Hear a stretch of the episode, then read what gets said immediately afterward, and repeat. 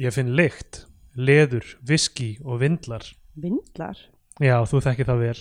Einkennislyktin, ofsalega mjúk rödd á ofsalega breiðum brjóstkassa, ísköld greind, Er ekki nóg ansköti kalt? ægilega harðir þegar við á svo æðislega mjúkir undir hrjúfa yfirborðinu eða hörðu skilinni eða en bara fáar stelpur vita hvað þeir eru góðir inn við beinið. Svo eru þeir stundum geggjaðir. Háir og herðabreiðir, grannir um rassinn með langar lappir, sterkir, handlagnir. Er þetta ekki orðið gott? Nei, það besta er eftir, svo ríða þeir eins og stjörnur. Í Bíotvíu dagsins tökum við fyrir kvikmynd ásistar Þórarsen frá 1996 Draumadísi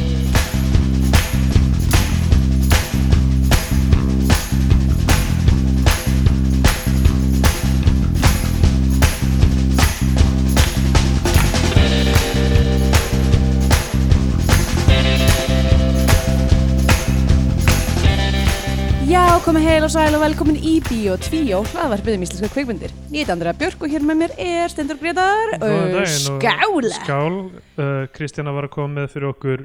Hvað heitir þetta Kristjana? Stormy Licorice. Þetta er oh, einhvers er konar Mule mm. nema með rommi og uh, lakrís búló líkjör sem er Þannig að ekki moskamjúl at all. Nei, þetta er mjúl bara af því að það er ginger beer í því. Ah, já. sem samt sko Stormy uh, hvað heitir það? Dark and Stormy? Dark and Stormy er ginger beer og rom þannig að þetta er eiginlega meira það Já, með auka lakrís. Einmitt. Þetta er eitthvað skonar Frankenstein cocktail Já, þetta er alltaf læg. Þetta er la la lakrísbræða þessu mjög stert Herðu, við erum aldrei þessu vant að taka uh, síðustu þætti, þætti hefur verið að taka eld eldsnemma um morgun og, og það er engin breyting á núna. Við erum að taka upp morgun klukkan er átta. Nei, við erum síðdegis á föstu degi það er smá gals í okkur. Mm, uh, við erum búin að horfa á draumadísir sem er nú galsafengi mynd þannig að ekki vilt í öðru en er. að fá sér koktel yfir henni. Einmitt, við erum hérna höf, höfðum lengi elds, eldst við þessa mynd. Já, uh, titillin er alltaf áhugaverður. Við, við erum byrjað að tala um hana? Hvað erum við að gera? Hvað erum við að gera? Ég meina stundum bara það er gerist fínt, við það. getum bara gert það. Já, einmitt. Áður en við erum blind full og hættum að hérna, alda þræði. Nákvæmlega, við erum að loka sprettunum á þessu rönni. Þetta er næst síðasti þátturinn fyrir pásu. Já, æ, og mér fannst svo sætt við fengum skilaboð frá uh, dyggum hlustast, hlustanda með bara með skilaboðum voru bara nýr listi og svo svona emoji sem er svona kolpu augu. Æ, það fannst mér nú Já, sætt. listi við það myndir sem við eftir að Já, Við erum búin að byrta hann, ef þið vitið um einhverja myndir sem við höfum ekki séð þá já. Er listin á Bíotvíó Við erum alltaf til í að safna í sarpin Við erum bara, þetta er orðið frekar lítið eftir fyrir okkur sem er er aðgengilegt. Og, og já, og kvikmyndagerða menn á Íslandi er að halda að sér höndunum uh, með allar þessar myndir sem eru búin að vera í framleyslu síðan COVID byrjaði. Og ég, ég held að myndi koma út svona 20 myndir þessu ári. Já, en það er vera, það er vera að dreif þessu já aðeins meira kannski Já. uh, Ég sá eina á Mhm. Berlinale, ég sá Bergdreimi. Við verðum að tala um hann örgulega einhvern tímann í ég- eða hver veit. Eh, sá hann ekki. Hvenær sem hún kemur út og, þannig að ég get ekki og náttúrulega náttúrulega hvenær sem hún, við veitum ekki hvernig hún verið aðgengileg. Hún reyndar mun fara í York bíóin hérna af því hún, henni verið dreift af þarna eitthvað, hvað heitir það, Cinemas Europe eða eitthvað sem Já, ah, Cinemas Europa Já, sem er með best sem er Sansirman hérna, sem heitir So Flute þetta lag. Já, Já, þetta, var, þetta lag var líka í, ef einhver mann eftir uh, hérna íþróttavöruversluninni uh, hvað heitir náttur Nanúk já. Í kringlunni. Um, að þá var Nanúk ölsingin líka með þessu lagi So Flute með Sansirman ok. Um, allavega þetta er mest, þetta er evrópskasta þú veist, þegar maður fer á okkur svona eitthvað svona ev, já. Þegar maður fer í bíó hérna í Evrópu, í Jorkino og þetta dæmi fer í gang. Þetta er svo mikil eitthvað svona eitthvað svona evrósk eitthvað, eitthvað hérna uh, eitthvað svona kvikmyndasnopp eitthvað Eða, veist, ég bara, ég, ég bara svona, mér líður bara eins og hérna, ég sé fyrir augum mér eitthvað svona, eitthvað svona taxi-style chase-senu í Marseille Já. bara og eitthvað svona einhvern veginn bara Jean Reno er bara einhvern veginn Já, það er eitthvað svona torg það sem allir sitja með espresson og sína og einmitt. eru með einhvern veginn svona létt að trefla þó það sé mjög heitt Já, í röndóttum bólum það er eitthvað sem er búin að vera að raða appelsínum ógeðslega lengi að vera svona að setja síðustu appelsínun á toppin og appelsínu píramítanum uh, og já, við þurfum ekki að fara lengra með það, við veitum Nei. hvað gerist næst. Uh, Já, þannig að hún fer hún fer í bíóin hér, þannig að við ættum að geta fjallað um hana þegar hún kemur út, en svo eru, já, það er einhverja myndir að koma út, en ég meina þetta átti náttúrulega aldrei að snúast um það að við værum eitthvað að fjalla um nýjustu myndina alltaf, það er Nei, einmitt. einhvern veginn að hafa Við erum aðeins ekki contemporary podcast. Nei, við, ég, ég er ekki contemporary maður sko. Nei, einmitt. Ég Ég, er maður sem er á röngum tíma. Einmitt. Þetta er þessu sa- gaurin í læginu ah, já, villusu húsi. Ah. nei, hann er á réttum tíma ég er rangum maður nei, á röngum tíma já, já. Hann gerði ekki neitt rétt eða nokkuð? Nei. Þessi maður hefur verið honum hefur verið slöfað núna. Já, einmitt nákvæmlega, ú, búi. Uh, Það var það sem hann var að gera. já, uh, ég er líka í blóðsökusfalli núna þannig að þetta ok, geggjað. Þannig ég mun Eh, ekki að drekka hann koktel hratt og þetta mun bara Ég er sko, ég er að vinna með bæði kaffi og koktel já, uh, að því ég er að taka brúnna frá því að vera þunn yfir í að vera afturfull. Woo! og klukkan er átta á föstudagsmótni kekja, þetta er lífið. Uh, já, á, herðu, ég var að segja fræga fólki sem ég sá á hátíðinni. Ok, ta- ok, tældu bara upp fræða fólk sem það sást. ég sá ekki Isabellu Huppert hann ekki Var hún heiðskesturinn? já, en hún kom ekki á hátíðina því hún fekk COVID. Ó, æj, æj, æj það voru allar myndir sem hún hefur nokk tíma leikið í síndar á basically. Nei, já, hún, kom síðan ekki það er COVID. Var, eitthvað- var, hérna, var L mótmælt? uh, nei, ekki, nei hún, íslenski feministar voru ekki á staðnum. Um, já, nú sást hana ekki. Nei, ég, ég sá já, ég sá hann ekki. Ég, uh, ég sá uh, Vincent Lindon sem er í Titan, pappin Mhm. í Titan. Hann er í sem sagt f- nýju uh, Clarity nýmyndinni og ég Mhm. bara strax og ég var búinn að horfa hana fór, fór ég að settist niður í lobbyinu á Hyatt hótelinu mm. sem er þarna og, og þar var hann og, var að spjalla við eitthvað fólk og leit mjög vinalegur út Flott og svo fór ég inn á bar Fyrir hlustundur sem eru að velta fyrir sér hvað er að gerast núna er að eftir að við klárum allar myndunar þá breytist þetta podcast í Steindor Bóttar fræga já, uh, og það bara það sem ég hef hann nú séð minn skerfa frægu fólki í gegnum ævina. Já, aldrei lis sagt. Einu sinni sá ég Ralph Fa- F- Rafe Fiennes. Hann er borið frá Rafe það Rafe. Fiennes út á götu í Soho í London og hann gerir svona double take á mig. Gerða hann double take á þig? Já. Og ég held að hafi verið að því ég líki smá uh, leikarinn David Cross úr, ekki David Cross grínista heldur David Mm. Cross úr uh, kvikmyndinu The Reader sem hann í Já, einmitt, sem líka drengin já, Mm. og þeim tíma allavega var ég, var ég nokkuð líkur á. Jáhá og ég held að hann hefði haldið að ég væri hann. Ég verið, ó Og þú ákvæmst ég ákvæmst ekki að reyna bara að halda því, því í lúsun að vera eitthvað sæll eða halló? Halló Reif. Wie geht's dir? Gut, na, na ja. Og, og já uh, já en þetta er er algjörlega ótengt öllu sko. Um, en já, svo hérna fór ég inn á bar á öðru hóteli þarna, ég var á hótelunum var, Þú varst bara hangandi á um hótelbörum að skrifa pitch á servéttur og bara Já. svona stinga í vasana á fólki. Ég var bara að sk- skrifa logline að myndum. Já, hugur og ung kona finnur uh, uh, djarfan uh, gamlan mann uh, en saman neyðast þau til að takast á við stórhættulegt stórfyrirtæki. Þetta hljómar eins og æfingi að nota lýsingar. Já, svona Mad Libs. Að búa til kveikmynda uh, sögutráð en já, á þessum bar, þar var, uh, var bar, ég labbaði inn og það er engin annar nema M. Night Shyamalan. Og hann gerði double take á þig. Hann var bara, ég þekkti hennar gaur meðan ég var á lífi. Af því að hann var Dáinn. ekki, ekki, ekki, ekki útskýra þetta, please. Herði, mjög spennandi. Já, það var mjög spennandi að sjá M. Night Shyamalan. Já, og hvað hva var hann að gera? Var hann að gera eitthvað hann svona var sem smám venjul- saman að vera gamall af því að hann stóð svona lítil, þetta var strandbar. Það var eldast og svona rætt Hvað segir þau? Ah, já, hann, hann var bara að gera venjulega venjulega hluti hann var að gera mjög venjulega hluti sko. er ekki svo svona ótrúlegt tilvilið. þessar styrði, það eru bara eins og við bara eins og ég og þú já, er bara sömu burum og ég já, með það að hanga á hótelburum Já. eins og ég og þú erum alltaf að gera mm. Uh, nei, fleiri sá ég ekki þetta var Ok. ekkit eitthvað ekkert eitthvað frægasta fólk í heimi minna af myndum með svona stjörnum sem maður þekkir það er ofta Mm. eitthvað stjörnur á þessari hátíð ég sá myndir sem í eru þú veist eitthvað Emma Thompson og uh, Elizabeth Banks og Sigourney Weaver og eitthvað svona en, en ekki, þær voru ekki viðstæðar svo ég viti. en það voru það COVID tímar og ég þurfti að einn daginn horfði ég á fimm myndir mm. á sama degi og var með grímu allan tíman þannig að þú veist það voru það, og inn á milli þurfti ég að fara að setjast á eitthvað svona press area það sem ég þurfti líka að vera með grímu. Þannig að ég var eitthvað með grímu í streit svona þú veist, eitthvað 12 klukkutíma eða eitthvað.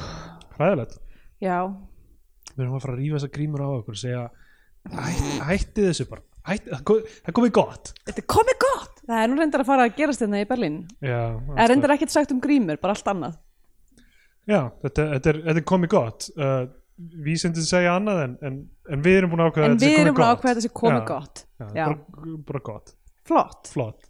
Að við, gott að við erum búin að ákveða það. Þetta er búið, Tölum við um draumatísir þetta er búið! Ítali eru heimismyrstarar í fótbolta. Nei ok, þetta er alltaf, alltaf djúpt Býtu, var, Já, var þetta eitthvað lína?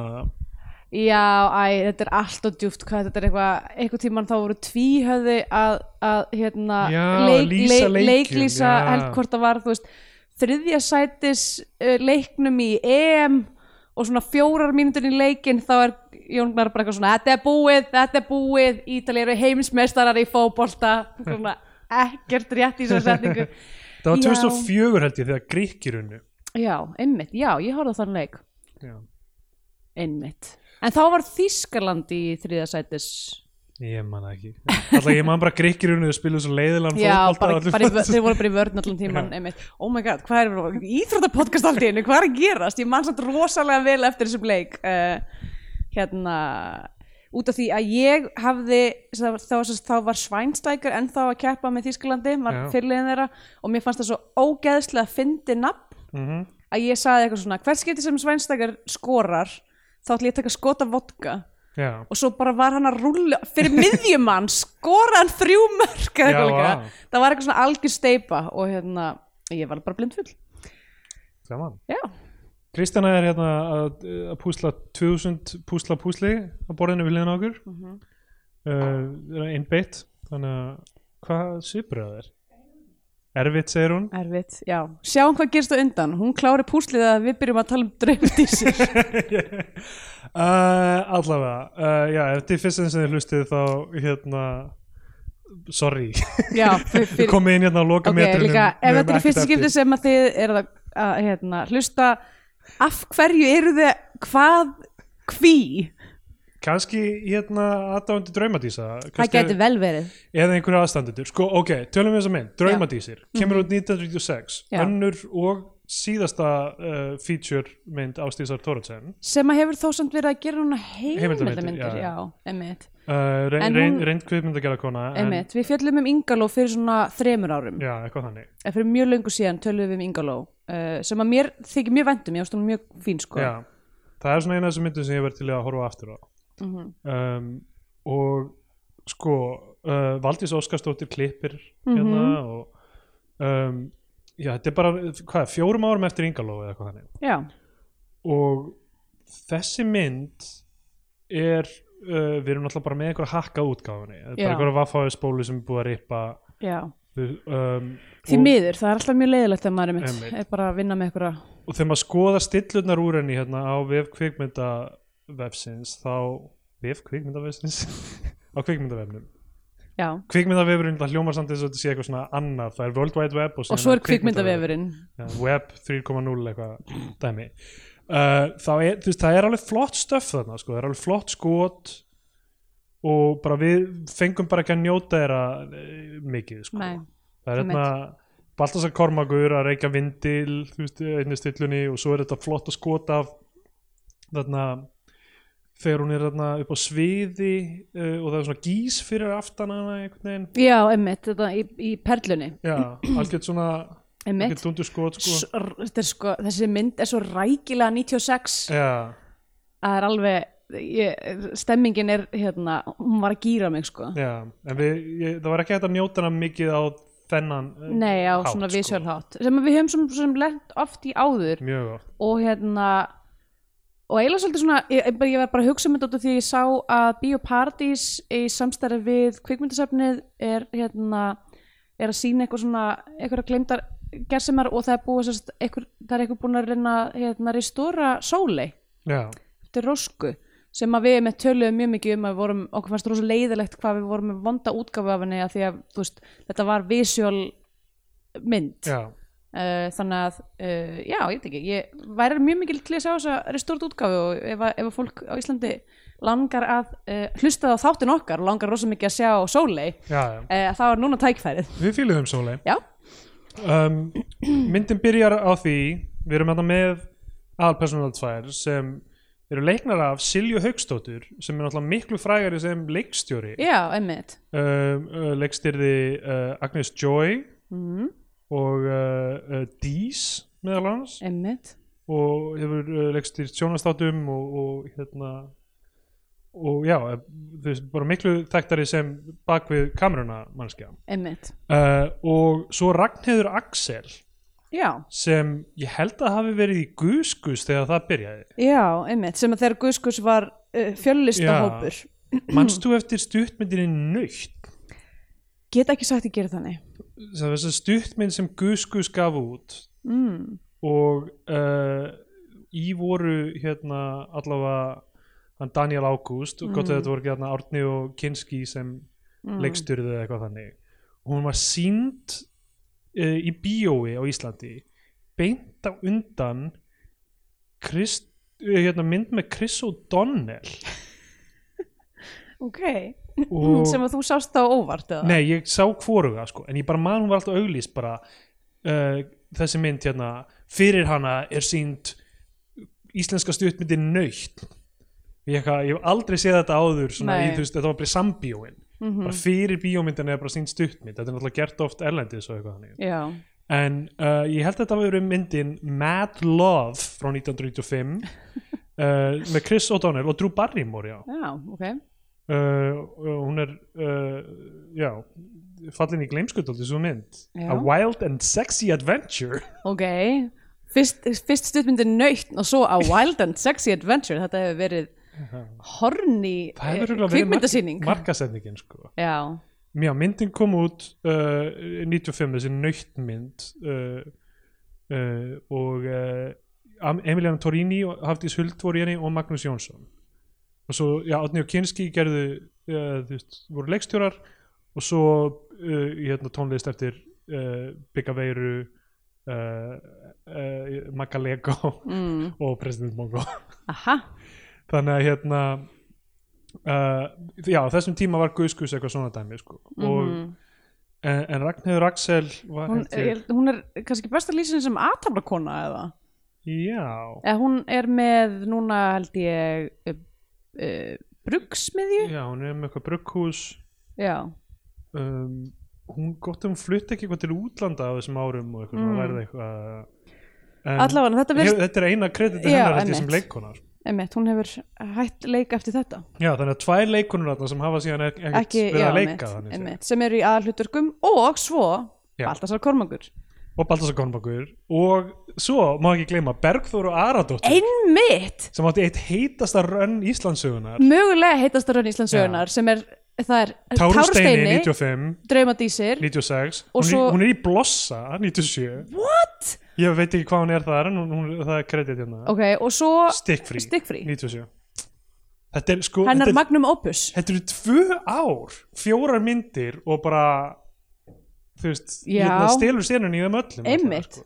hún er svakaleg og hérna mikill missir fyrir íslenska eh, kvikmynda sko, ég veit ekki hvað hún gerir núna en hún er skráð sem eitthvað framkvæmtastjóri fyrir dugghólufólkið og eitthvað, eitthvað Já, annað. ok. Þannig að getur verið veið að hún sé ennþá eitthvað Hvað í kvikmyndagerð mm.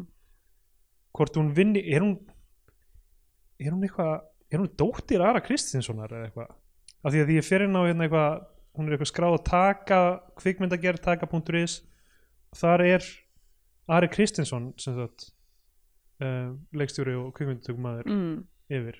Ég veit ekki, ég gæti verið að rugla bara en mm, það, hún er einmitt. Það gæti verið, Gæti við vitum það ekki. Hann hann leikstýri stikfrí ég, ætla, ég svakalegt ætla að fara að segja eitthvað svona hvar eru fóldrar þessar barn að leifa henni að vera í fjórum myndum á tveimur árum. Og, sé, og svo var eitthvað svona, kannski bara fóldrarnir í stikkfrí sem að hérna, pössu ekki upp á barnið sitt? Já, önnu mynd sem ég sá á Berlinale já. var nest stuttmynd uh, Hlins Pálmasonar hmm. sem uh, leikstýri hvítu hvítu dagur mm og Vinterbröður er þar undan og, og þessi mynd sagt stuttmynd sem ég mæli mig sterklega með að þið getur séð hana Mm. uh, og hann er að klára núna mi- nýja mynd sem heitir Volaða land og dóttir hans Ída Mekking Hlinsdóttir Mm. sem er þarna í hvítu hvítu dagur er, er líka í nest mm. og í þessari nýju mynd. Já, ok. Og hún er sko 13 ára og er búin að vera á kannháttíðinu og Berlinale og bara eitthvað að flakka um. Að hátelburum að skrifa Já. pizza á, á, á servéttur og M. Night Shyamalan sá hana og var bara eitthvað "Bíddu, þetta bann ég sé, sé það áður. Og þetta barn það sér mig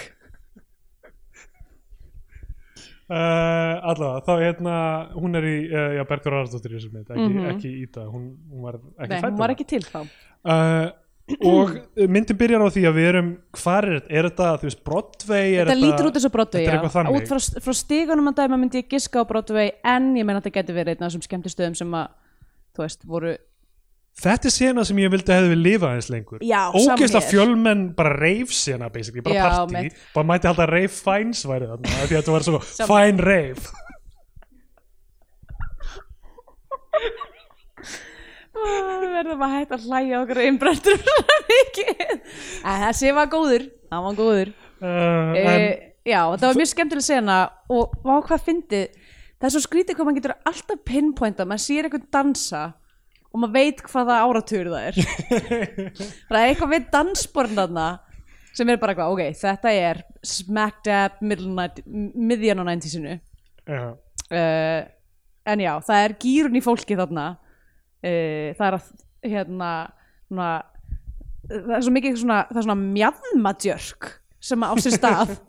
Eitthvað svona fram eitthvað svona, ég get ekki, ég get ekki líst þessu en það er mjög sérstök sérstökur danstíl sem að ég held að fólk geri ekki.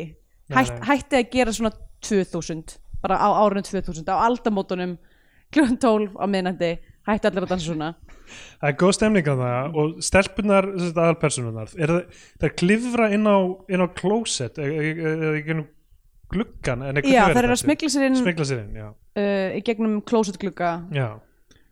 Og sko það er eitthvað dæmið þetta með einhvern gaur sem heitir Jói Já, sem er kæristinn hennar uh, hennar sagt aðal, hvað heitir hún eftir? Silju Hauks Sil, já. já, Silju Haugs uh, Um, karaktersins og ég ætli, ætli að sé ekki að smigla sér hérna bara til þess að sjá hva, hvað hann er að bralla að henni já, en hann er í sleik við ykkur aðra píu. Já, einmitt, já, sem að dansar svona upp að honum Einmitt. og er eitthvað hæ? Og svo fara þeir bara beint sleik.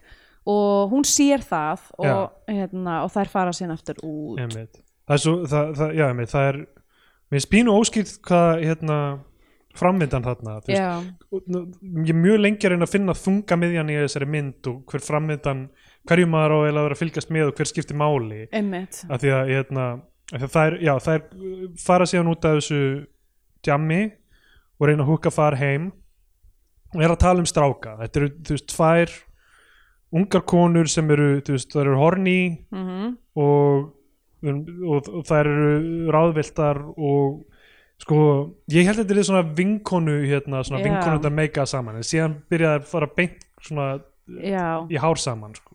Já, en þeir, þeirra vinóta er, þú veist, eiginlega B-plottið í þessari mynd nefnilega um, en hérna, en samt er, þú veist og, og þú veist, vefst saman við A-plottið og, og hérna og er alveg vissulega einhver þáttur í því en, en, en já, það er bara svona, við förum bara alltaf inn í einhverja hægri beigju Já. bara þarna strax, sko. Handritið er alveg sko sko, sem, mín tilfinning er er að þú veist, sérstaklega þarna þær, þær sem er að labba, þær eru he að labba heim á trúna og eru að tala eitthvað svona, þú veist, um eitthvað hvað þeim finnst kallmenn hot uh, og hvað eru graðar og eitthvað svona.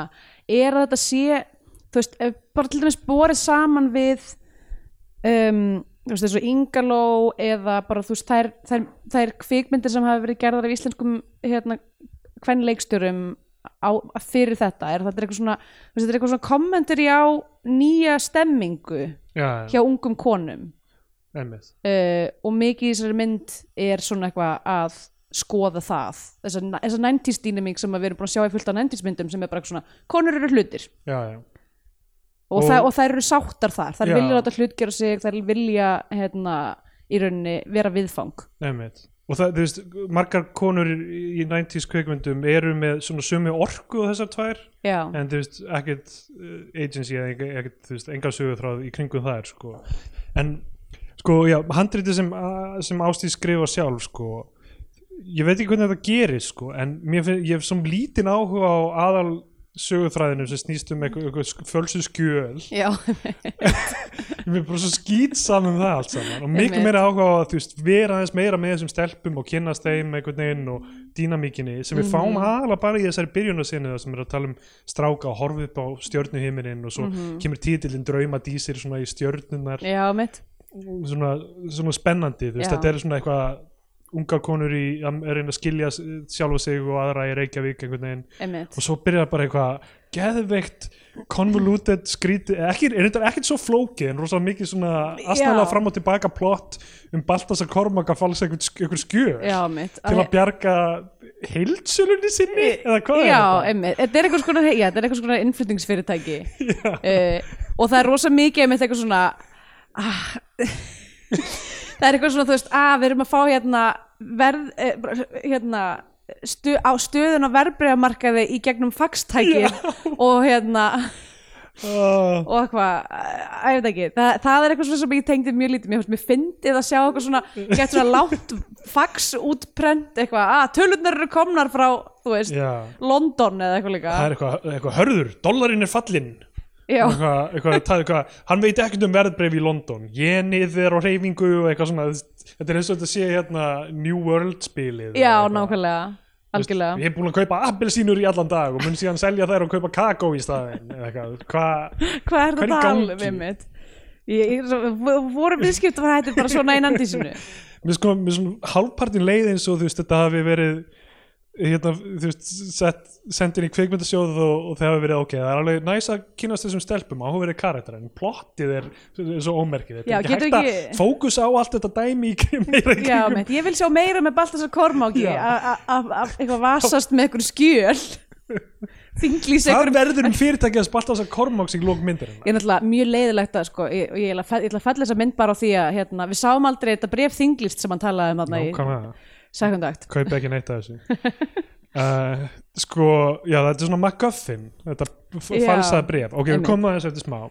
En uh, allavega, þær eru að labba þarna heim í frostinu og mér fannst bara svona stemming í því að vera eitthvað svona labba heim af djamminu í einhverjum svona snjóþunga og eitthvað svona og, er, og það er eitthvað, svona gott og, og, og svona raunverulegt og, og hérna jarðbundið samtala sem að þær eru eitthvað svona, eitthvað svona að röfla og svo er eitthvað svona ég er að drepast úr kulda, ég verð að fara heim. Það er eitthvað veist, þetta var eitthvað sem ég var eitthvað ég til í mikið af þessu eiginlega.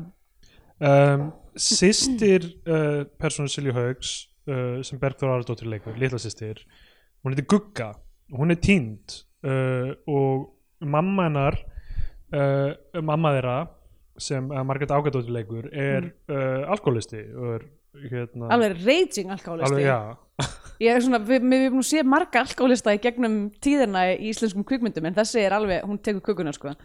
Uh, og þannig að hún fyrir og að- líka það sem er gott hana er að hann er drullu sama. Já, já, hún, hún er ekki hún er algjörlega unapologetic. Já. en sko hvernig er þetta Far, þær fara báðar eitthvað, fara þær báðar að leita guggu þarna já, sagt, eitthvað, þær, þær, uh, þær leiðir skiljast uh, hún fer upp og mamma hennar er eitthvað hún er eitthvað akkurat ekki að keira því að mamma hennar á að vera leigubilstjóri en er alltaf full. Uh, hún er eitthvað, ah, hún er farin aftur. Og hún er eitthvað, djöfusins, fer aftur út og grípur sérst nær í skottið á hérna, Ragnæði og er eitthvað, hei, hvað hjálpaði mér að leita að sýstu minni. já. og, og þær finna hann þarna upp á þessu þaki uh, og það er sem sagt á íbúðina að spalta. Já, og hún er aftur eins og í stikkfrí að brjóta af sér. Uh, það, hún, ég hef verið til í að velja hans meira við það að hún sé alltaf eitthvað svona brjótast inn í hús bara til að leika sér. Já það er reyndar alveg mjög skemmtilegt sko. uh, hún, hún getur náttúrulega svo auðveldlega verið að hún er með þetta hérna, rosalega krútlega andlit mm, að hún sé að gera gera hlutina af, eða þú veist, gera eitthvað af sér það, þú veist, er eins og í stikkfrí er bara, maður er bara svona, ah, you little scamp. Já, skiptir engum ah, hvað hva getur maður gert? Ha, með svona allir uh, og uh, já, og hérna þarna inn í íbúðinu að spalta þá sem sagt, er eitthvað ilmvatn mm sem sem sagt Silja Hauks tekur. Já, og, og stelur eitthvað, slopp? Já, er ekki Ragnhjóð sem tekur hann? nei, nei, nei, það er Nei. bara, nei, það er bara hérna, það er bara Bergþóra sem er hérna uppi. Þær fara ekkert inn sko. Já, en hve- hvernig fær hún aftur ilmvatnið? Sorry, af því að, að því að, að, sagt, sem sagt, hún er, hérna, hún er upp á okkur um stillasa. Bergþóra og þær sjá hún er eitthvað, heyrðu, kottu niður hérna ormurinn eitthvað, hún er eitthvað he, fer inn, já, stelur fe- fer í svona silkislopp tekur ylvatni og stingur í vasan og kemur síðan aftur út Einmitt, og, og hérna, svo ég, ég horfði á hana klukkan átta um morgun og, og kvöld kokteilsteindur man ekki svona langt eftir. Nei, einmitt. Um, og sem sagt svo kemur hún niður á stillasanum í sloppnum með ylvatnið og þá við- það kemur eitthvað svona hljóð og þá vaknar eða hvort það balti vaknar og sér stelpuna inn í herbyggi bara svona í augnablik. Já, og eldir hennar síðan út á stillasan og sér þær svona skríða í burtu í snjónum allar þrjá já. En Silja endar með ilmvatnið og er alltaf að þefa að því og er gett horni þegar við þegar að ilmvatninu. Já, þessu ylvatni sem heitir balsam. Einmitt, eftir þessu fyrirtæki balsam svo er fyndin svo etik svo etik eða, eða þú veist hárnæring. Eða Baltasar Samper. Mm, Balsam, balsam. Wow gæti verið. Gæti verið. Clever Balti sem sagt, þarna séum við hann fyrst og hann er með rosalega sítt, eða svona með svona sítt skipt í miðju já, hann með algjöra sem já, getur bara flóið í 90-sinu þar til aftur núna því að það er komið eitthvað já, revival einmitt. Uh, og hann er að hann er með svartan rúlara sem hann er að gjörsamlega að sko fylla út. Já, það er bara, ég sjaldan séð jafn mikið ég veit ekki, er til orð fyrir bara svona þegar einhver er gjörsamlega að klæðast flík? Uh, alveg saumaður við hana. Allavega hana. Þetta er big mood þessi rúlari og, og hann er sem sagt með þetta fyrirtæki Balsam sem hann rekur uh, með Ragnhildur Úriksdóttur sem sagt Mhm. hún leikur persóna hún er bókarinn bókarinn hans uh, en, en hérna en við sjáum allt svona viðskipta, Já. alla viðskiptaliðina því hann veit ekki neitt einmitt, hann er bara svona hann er svona, hérna, svona 90s aðtapnamaður já. og hann er skrifaður með smá svona disdain myndi ég segja já, hann á aldrei eiginlega séns í þessari mynd Nei. og sko og kollegi hans sem, sem heitir Hörður sem er með honum með þetta fyrirtæki sem Magnús Ólason leikur Mm.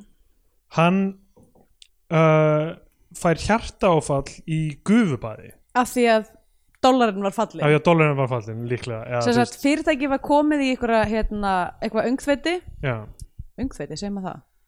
Öngstræti kannski? öngstræti minn Já. ég, já. Uh, hérna og uh, sko ég finn þetta ég, þú veist, ég finn talað um að við sem að miss, missa íslensku en ég, þú veist, af því ég er að vinna aðeins minna því ég skrifa náttúrulega íslensku það er svona Já. aðtönu og vinn aðeins eitthvað, þetta verður erfiðar í hvert skipti nánast. já, við, áður en við vitum að verður þetta verður þýst podcast já, og við erum að læra því, við erum saman í já, þýskutímum núna. það er fyndið ef, bara eftir pásuna þegar við tökum næstu mynd, bara eitthvað berðreimi eða eitthvað, þá allt í einu bara guten dag, velkommen inn Biotvíó der podcast über isländische film já. Uh, já, við getum gert það. Uh, hérna uh, sem sagt já, sem sagt, fyrirtæki er komið í hérna öngstræti með, út af, út af einhverjum svona já, bara mismanagement á vera, að, það er alltaf að vera að panta ykkur hluti sem er ekki seljast þessi il, þetta er er ekki að hreyfast á markaðnum og þeir ætla eitthvað svona gamla og kaupa eitthvað meira inn og vonast til þess að eitthvað, þú veist, eitthvað gerist með, Já, með dollarum. gjald, gjaldmiðla Já. Ég er samt alltaf að tala íslensku við þig og Kristján og Jón og eitthvað Mm. og ég er alltaf að horfa á íslenskar gamlar myndir oft og ég er búin að vera að horfa á verbúðina eitthvað svona, ég tala við mömmu mína Ég skil ekki að Akkur þetta er svona lélur ég veit ekki hvað er að gerast. Ég veit náttúrulega, ég, ég get borið fyrir mig dumb COVID en ekki allir jafn hefnir. Það er rétt. Uh, Já, já, svo að hann fær hjartaáfall og fer upp á uh, Spítala spítala og þar segir hann Anspænis döðanum hef ég tekið sinnaskiptum. Ég, ég nótur það líka reading. línu Ég var eitthvað hver, hver, hver talar svona en ég meina svona mikil sinnaskipti hann byrjar að tala svona eftir að hann fær hjartafall Já, og hann ákveður sem sagt ég ætla að gangast við badninu sem ég átti og hef neitað ég í alla já ævi. hann á laundóttur. Já, og uh, ætla að arfleiða það af uh, eitthvað íbúðinu minni og eitthvað öll sem ég á Já, í staðan fyrir að borga fyrir þess að vafa sem millifærslur allar sem við vorum Já. að gera í businessnum. Einmitt. Sem make a sense, ég meina þetta er líklega eitthvað egna, eh, enga hluta Ég félag segi, akkur ætti hann að Akkur til sinni eigin fyrir það? Nákvæmlega til þess að eitthvað proppu balta. Ég make a 100% sense. Balti er satt sko, það meika sens að honum finnst það óeðlilegt af því hann, hans karakter hans aðal dæmi er að hann er frekur. Balti, Já, já. Ég meina auðvitað, en ég meina þetta make, bara láta fyrirtæki rúla það er ég meina eina sem a sense hann sko. Fyrir, þeir tala alltaf um að fyrirtæki sé skuldu þeir tala aldrei um, um sjálfskulda ábyrðir eða neitt sem getur á þeim nei, nákvæmlega. Þannig að ég, ég veit ekki hvað stressið er. Nei, ég meina ég, fyrir utan alltaf, ég meina þetta er ekki það er umulett að fyrirtæki getur fyrir hausni Já, já, en þú veist, en ég held að mál sé bara svona, veist, allavega með við hvernig karakter Balta er, hann er, hann er uh, virkilega, hérna vein, já, já, veist, hann getur ekki hugsað sér að vinna undir konu, hann getur ekki hugsað sér að fyrirtæki fara hausinn, hann, veist, hann, hann er bara svona, hann er að skapa sér þetta sjálfur með því að vera fáviti. Og uh, hann sem sagt gerir nýja erðaskráparann í rúminu og hver kemur inn til þess að votta erðaskrána nema amma mín, Margrét Ólafsdóttir Ok, ég skrifaði þessi, þessi hjúka er æðisleg. Já, þú kemur hann inn og bara eitthvað segir nafnið sitt, Já, þess að fyndi hvernig hann er að skrifa undir eitthvað geðveikt hægt já, mér fannst það sko eitt, eitt að finnast það sem gerast í myndir sko. Þannig að hérna vel gert amma þín Já um, og svo sem sagt hvað gerist, ég, ég skil ekkert hvað ég er að skrifa hérna. Þess, hann segir plottið er náttúrulega, þú veist, allt plottið er bara að fólk er að mæta hvert til annars Mhm. hinga og þangað án ástæðu. Já, stelpunir er alltaf bara að byrtast hjá Balta einmitt. og eitthvað að byrja að tala við hann og eitthvað. Sko, og allt í það þau að- allir vinir eða, eða eitthvað og þau eru alltaf saman og ég skil ekki alveg af hverju Balti er alltaf svona, hefur svona mikið áhuga á þeim en hann er að hafa þær í kringum sig sko. Já, sko, það er hérna það sem gerist er að hann eitthvað, sem að maður skrifar undir og hann er eitthvað svona að reyna að tala um fyrir honum og endar síðan basically bara segir hann, hann eitthvað svona heyrðu, þú, sér, þú sérðum að þinglýsa þessu eða whatever, Já, já. eitthvað lætur hann á pappirinn og deyr já, uh, og þar stendur balti með þessa erðaskrá sem hann vill ekki að raungerist já, sem hann endur á því að falsa síðan Já, falsa breyta- og breytir í þannig að þú veist, hann er við allt saman eða, Já, einmitt Já. og hérna uh, já, á, ég held að þessum tímpúndi eftir að hann deyr uh, viðskiptafélagin að þá fara þau saman tvö heim Balti og hérna uh, hérna rittarinn eða Já. sagt, gældkerinn eða hvað sem hvað Já, já. sem hennar starfir er og hérna og hún er eitthvað svona að bjóða hann tilbúð það sem hún er eitthvað, herðu, ég á eh, fé sem Já, ég er tilbúin til þess að að fjárfesta í fyrirtækinu gegn því að þú veist, e- að vera eiga meiri hluta bara þú veist, vera eitthvað í stjórn okkur alla og hann basically getur ekki kynnt því. Nei, nei, það er alveg óbúðlegt fyrir hann. Uh, hérna, hann vil frekar sökva fyrirtækinu heldur en að vinna fyrir konu já.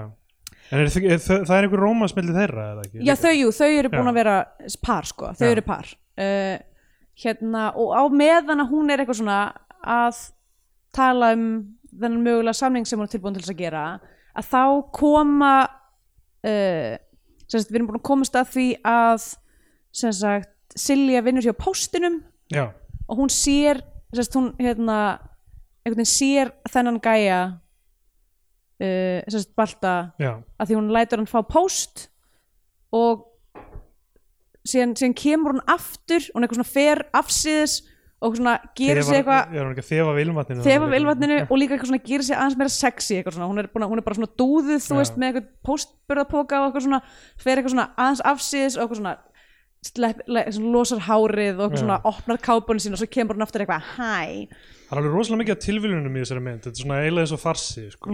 svona struktúrið Ég er að fatta líka, þú veist, ok, ég horfði þessa mynd fyrir nokkrum dögum en ég er búinn að horfa síðan við tókum upp síðasta þátt á svona 14 kvikmyndir. Þannig að, ah, þannig að ég er að átta mig á því að ég tók kannski ekki allt saman inn. Nei, einmitt. Uh, en já, hún ke- mæti til þess að skilar ilmvatninu. Já, og það er, það er svona hennar inn er eitthvað svona eitthvað sýsti mín eitthvað já og það við fáum mjög mikið af skotum af balta bara svona að stunda eitthvað male gaze. Já, já, uh, og mjög mikið þarna og mér svo sko hinn er bara eitthvað hvað þekkist þið, hvað er í gangi hérna? Að því að síðan sérst er hún eitthvað svona já ok, ég, ætla- bara að beðast afsökunar á, á sýstu minni, hún er bara svolítið klikkuð eitthvað hérna er ylvatnið. Og svo strax eftir Já. það það mæti Ragnhjóður Axel. Já, með, með hérna, sil, silkisloppin og er líka eitthvað svona, það eru báðar basically að make a move á Já. hann. hann er eitthvað, hvað, er eitthvað fleira síðan eitthvað, þú veist,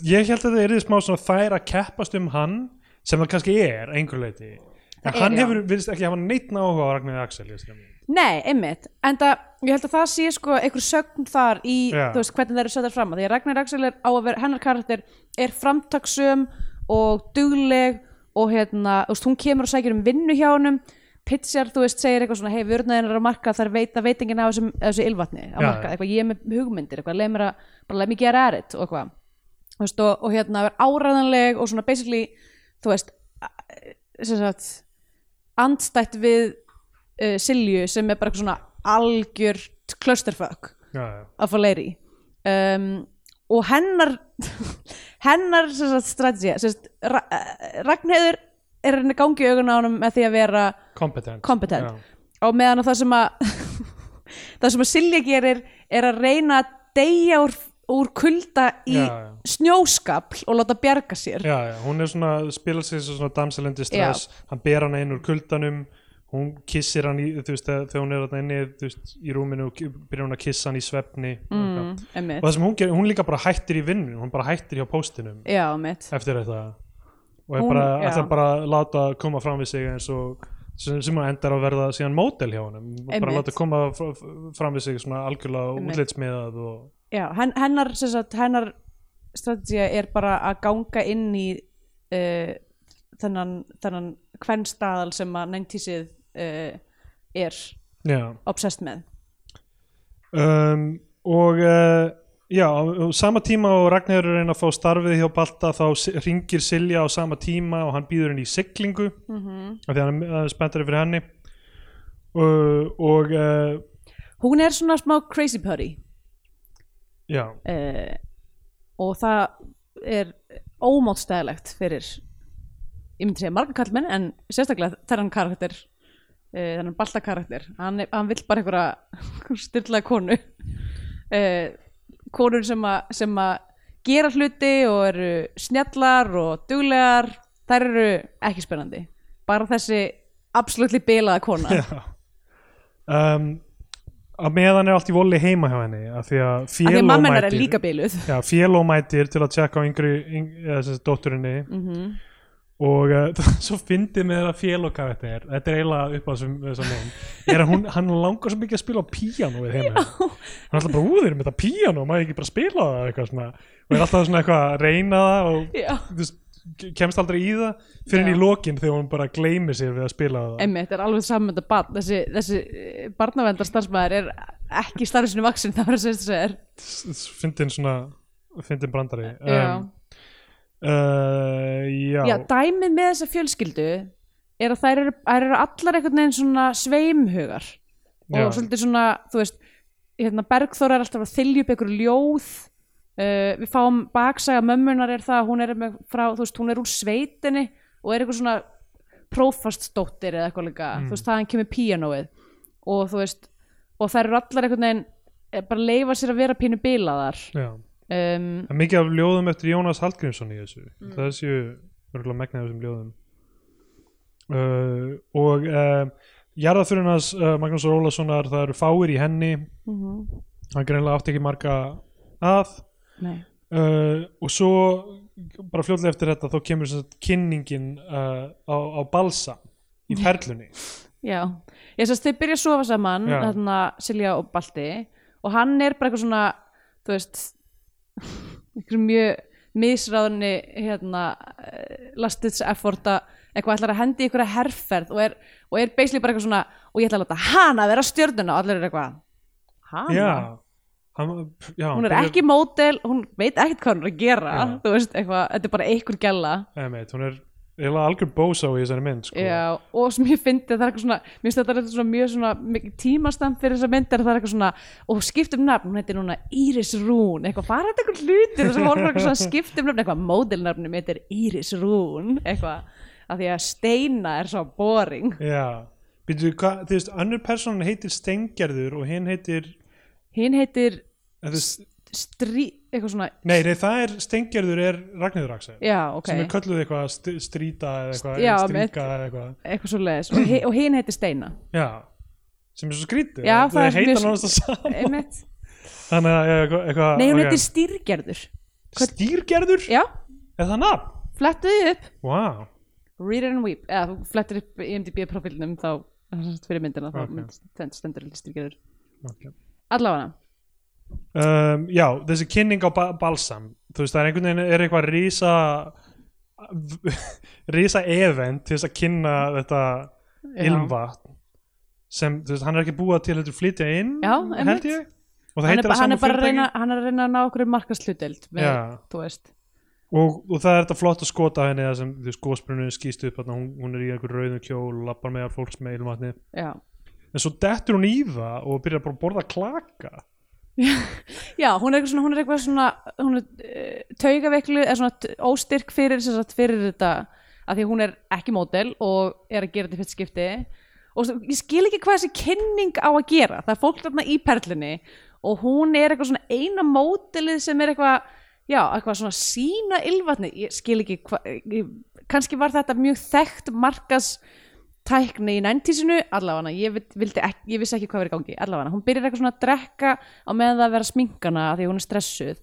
Og svo er hún eiginlega bara orðin full þegar hún er að gera þessa sýningu og hvað endar á að labba að kökuborðinu að maka á sig köku.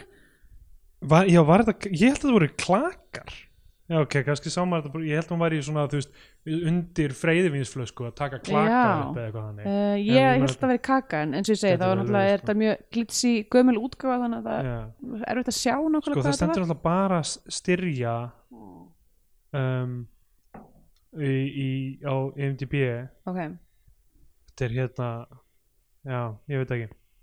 Um, ég reyna að finna þetta á tímarit.is eitthvað um þetta en ég finn bara myndir frá frumsýningunni. Ah, ok, ekki ekki. Þarna eru Balti og parið hérna uh, Eva og, og Óskar Jónasson.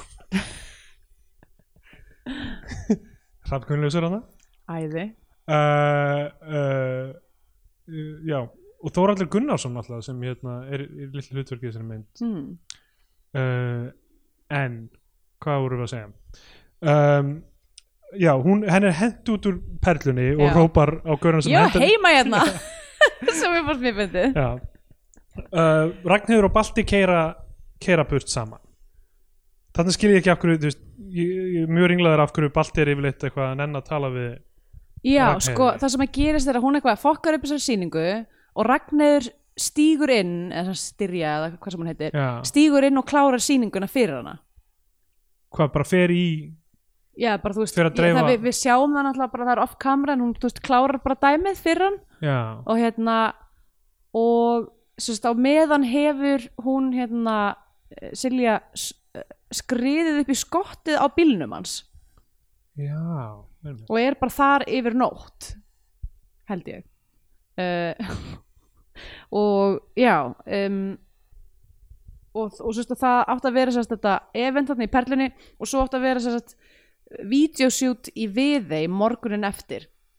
Já. þannig að hún fokkar upp þessu, þessu eventi og síðan hérna, eru þau öll að leita að henni um morgunin bara eitthvað, herrðu, við erum að leiðum til viðei til þess að taka, þetta, taka upp þessu auglýsingu. Hvar er hún eiginlega? Um, og en, en þarna, þarna segir, segir hún upp þarna um, um, skri, hérna, bókarinn hans. Já, um, og og, og, og, og sama tíma held ég þá brýst þarna Silja inn sem sagt eh, á skrifstofunni eða fer inn á já, skrifstofunni hún bara lappar á og skrifstofuna byrja bara eitthvað að skrifa eitthvað bréf til hans aftan á pappírana. Já, ég held að hún sé að fara að reyna að byggast afsökunar. Mögulega er þetta eitthvað skonar hverði ég brefið eitthvað, ég veit það ekki. Um, ég, ég, ég, að það ég veit ekki, eitthvað svona ástæðabréf eða eitthvað ég, já, hún byrjar eitthvað svona kæri Gunnar eitthvað, eh, mér þykir svo ofsalega leitt og svona, svo strókar hann yfir það og tekur bæði blöðin sem hún, hún Já, sérst, reynir af að einhverjum ástæðum þá heldur hann eftir upprunalega eintakinu en ekki bara falsaði eintakinu já, því hann er búin að vera að reyna að mastera hérna, handskriftina. Já. Og um, að, að, allavega, hún skrifar sérst aftan á báða samningana. Uh, hættir síðan við að skrifa brefið stingur þessu Krumpar þetta saman stingur í vasan og lappar út. Já. Uh, þegar hún kemur heim þá er verið að taka uh, leigubílina mömmunni greinilegt að hérna, nágrann hennar skvíla á hana. Hún er búin- er að missa uh, ré, uh, réttindin einhvern veginn mm uh, og svo eftir að þá er, er sem sagt photoshoot fyrir Balsam einhvers staðar í kulda og þetta kemur, koma Ekkert Þorleifsson og já, þetta liðin sem Það er í veist, Viðey. auglýsingastofu. Já, það er hérna í viðeig, hérna, það sem hún er bara við hafið einhvern veginn þú veist, já hún alltaf getur veit, veit ekkert hvað hún er að gera með að pósa og eitthvað nei, nei, hún er, lítur, lítur ekki vel út.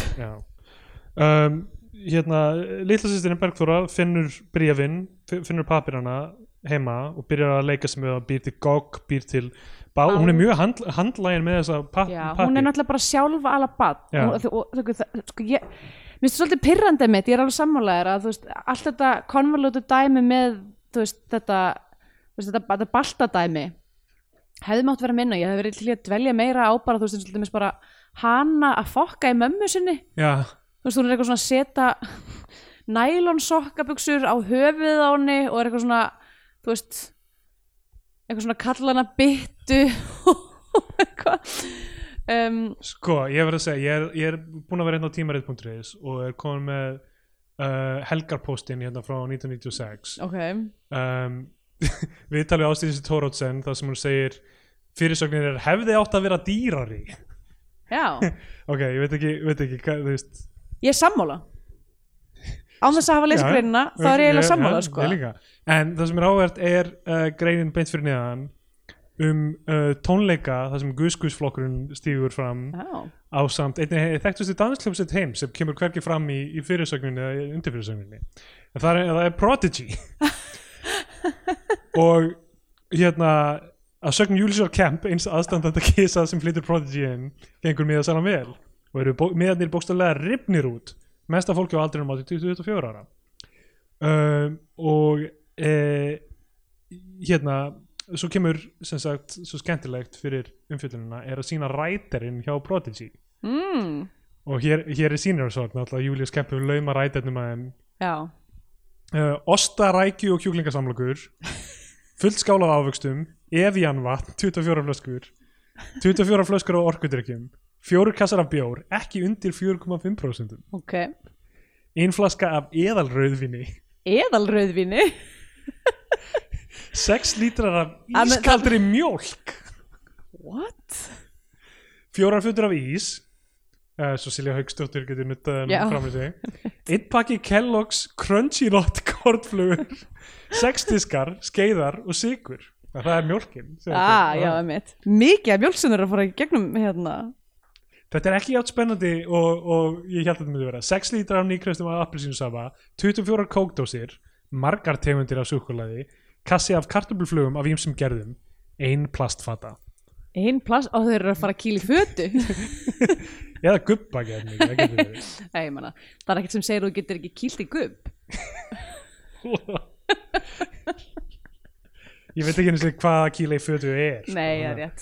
Ég ætti ekki að vera að eðalega hérna, þinn, þinn unga huga með svona, með svona ógslum hlutum. En sko, fyndi hérna, uh, sko, já hún, já, hún er sem sagt uh, að leika sér með, með pappirinn og endar á því að segja við Silju að hún hafi getið hann, en það, hún er raun og veru gerðum kíki úr hún Já, uh, og Ragnheiður síðan endar með hennan er, kíki. hún er þessi, þetta batn er skrítið. Skrítið eins og allir aðrir í þessari fjölskyldu er þetta mjög skrítið barn. Hún er alltaf að þylja upp einhverjar vísur og hún er alltaf að tala um vini sína í viði. Hún er eitthvað, ég ætla að flytja til mamma, þú ert, mamma, þú ert fyllibitta. Ég ætla að flytja til vina mína í viði. Því hún er alltaf bara svona ein einhvers staðar úti á bara vappi Já, já. að eitthvað að dúlla sér. Og við erum búin að sjá eitthvað svona smá vísi af eitthvað svona eitthvað spooky, ekki spooky Já, heldur það er eitthvað yfirnáttúrulegt dæmi í gangi. Já, einhver, sko þetta er náttúrulega reynir síðan vera reyla spooky mo- movie. Já, ekki- myndi ekki segja spooky en hún er, ég er er mér bara á. Draugar í Ó, ég meina þess þetta að sjálfur M. Night Shyamalan hefði byrst á það draugalegasti Þetta maður er ekki heims. draugar, þetta er huldufólk. Já, já, já, já, já, örgulega Eh, ég veit ekki, ég skildi ekki Þetta hvað er verið í gangi. vísun í kvikmyndir ósku. Sólei, neittjók ég skildi ekki hvað verið í gangi hérna í lokin sko. Nei, ok. Ég myndi, já, ég myndi einhverjir vinir í við þú veist, aftur rosalega marga tilvíðanir auðvitað er hún eh, þú veist, með einhverja huldu, huldu fólki við sem einhvern veginn þessi bátur sem er í gangi sem stelur einhvern veginn allt einhvern veginn er þetta púslast þetta saman einhvern veginn þannig að það enda á sama stað í lokin sko. Já, um, en, en já, áður en við komumst þangað þá sagt, hún er uh, hún er með hana kí, kíki úr brefunum sem síðan Ragnhildur endar á að taka. Mm ég man ekki af hverju hún tekur hann en einhvern veginn endar hún með hann uh, að, því að, að því að Balti er búin að vera bara ég verð að finna þessa pappira, ég verð að finna þessa pappira og hún er eitthvað svona að því að hérna, Ragnir á að vera sérst, uh, þessi snjalla, hún, hún púsla þessu saman já, fattar hún að strax að kíkinni séu papirinn, þess vegna byður hún um Já. að fá, fá kíkinn lánaðan. Einmitt. Uh, en svo er það uh, ilmatsauðlýsing sem er sem svona með hérna með uh, hafmegu Já, sem, er, sem nokkrum mánu setna kemur Súlandir út Mhm. með bara nákvæmlega sama dæmi. Ég meina, lefa sölsingar allar eins hérna, Já, ég er að velta fyrir mig hvort það hafi verið einhver fræg hafmeyju ilmasauðlýsing sem báðir er að parodía. Eða hvort það sé eitthvað svona parallel thinking mm. uh, eða hvort Ben Stiller hafi náttúrulega séð sé draumadísir þarna og gerir þarna moisture is the essence of Svo- wetness.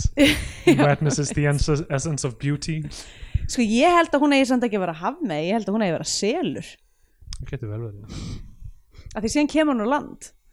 Það er góða punktur. Það er vísun í þetta er allt saman þetta er tengt. Vísun í mynd sem koma eftir á reyndar það skiptir ekki máli.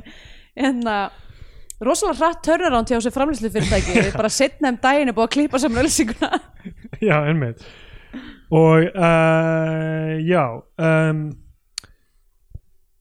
já, byrju, já, já það sem gerir sem þetta áður en Ragnhildur fær, fer og finnur kíkin er að hún læðist inn á skrifstofuna til Balta og hvæsir á hann og síðan boinga þau, já, hún er Balti. Um, Síminn hringir uh, byrju, Balti er giftur eða eitthvað Kemur það fram Nei, alveg? hann segist bara vera giftur. Já, hann segir bara, eðst, hann segist vera giftur þegar að því að sem sagt, Steina ringir í hann og þá er hann eitthvað, já þetta er kona mín, þú verður að fara. Já. Og hún er eitthvað, ertu giftur? ég var að steina sem er að hringja hann? Já. hún er að ringja til þess að hérna, segjast vera með pappirina sem hún er ekki búin að finna samt. Ég skil. Ef ykkur finnst leiðilegt að hlusta og okkur er að koma staði hva, hva, hver framvindan í þessari myndir þá var það bara út af því að það var ekki ver, það var ekki mjög ljóst Nei. horfand á myndina Ég Við- kallaði þig góða hvað þú náður miklu þessu af því ég var að horfa og ég bara ok, núna gerist einhver hlutur núna gerist einhver annar hlutur Já. ég skil ekki af hverju hvor annar koma eftir hinum sko. um, ég, ég held að það, þú veist já, einhvern veginn mikið að því var einmitt bara af, af, út af Mér líður eins og hafi, við höfum pínu skauta yfir það hvernig þau byrja saman þarna Steina og Balti er að hún svona fer og skílar ylvatninu og svo þegar hún sér að það ber ekki hérna, þannig árangur sem hún hafi vonað þá bara svona plantar hún sér í skapl fyrir utan stofugluggan hans og býður já, við sögum þetta. Já, ég veit, en ég er bara, mér finnst þess það, að það er vel það- klukka, já. Fáránleg fáránlegt gambúl já, hún er tilbúin að deyja fyrir þetta. Já, en ég menna enda er hún búin að vera að þefa af ilmvatninu en svo verður mjög horni Mega horni, sko. En þetta er ekki að setja þetta á ilmvatn á bara einhvern annan mann.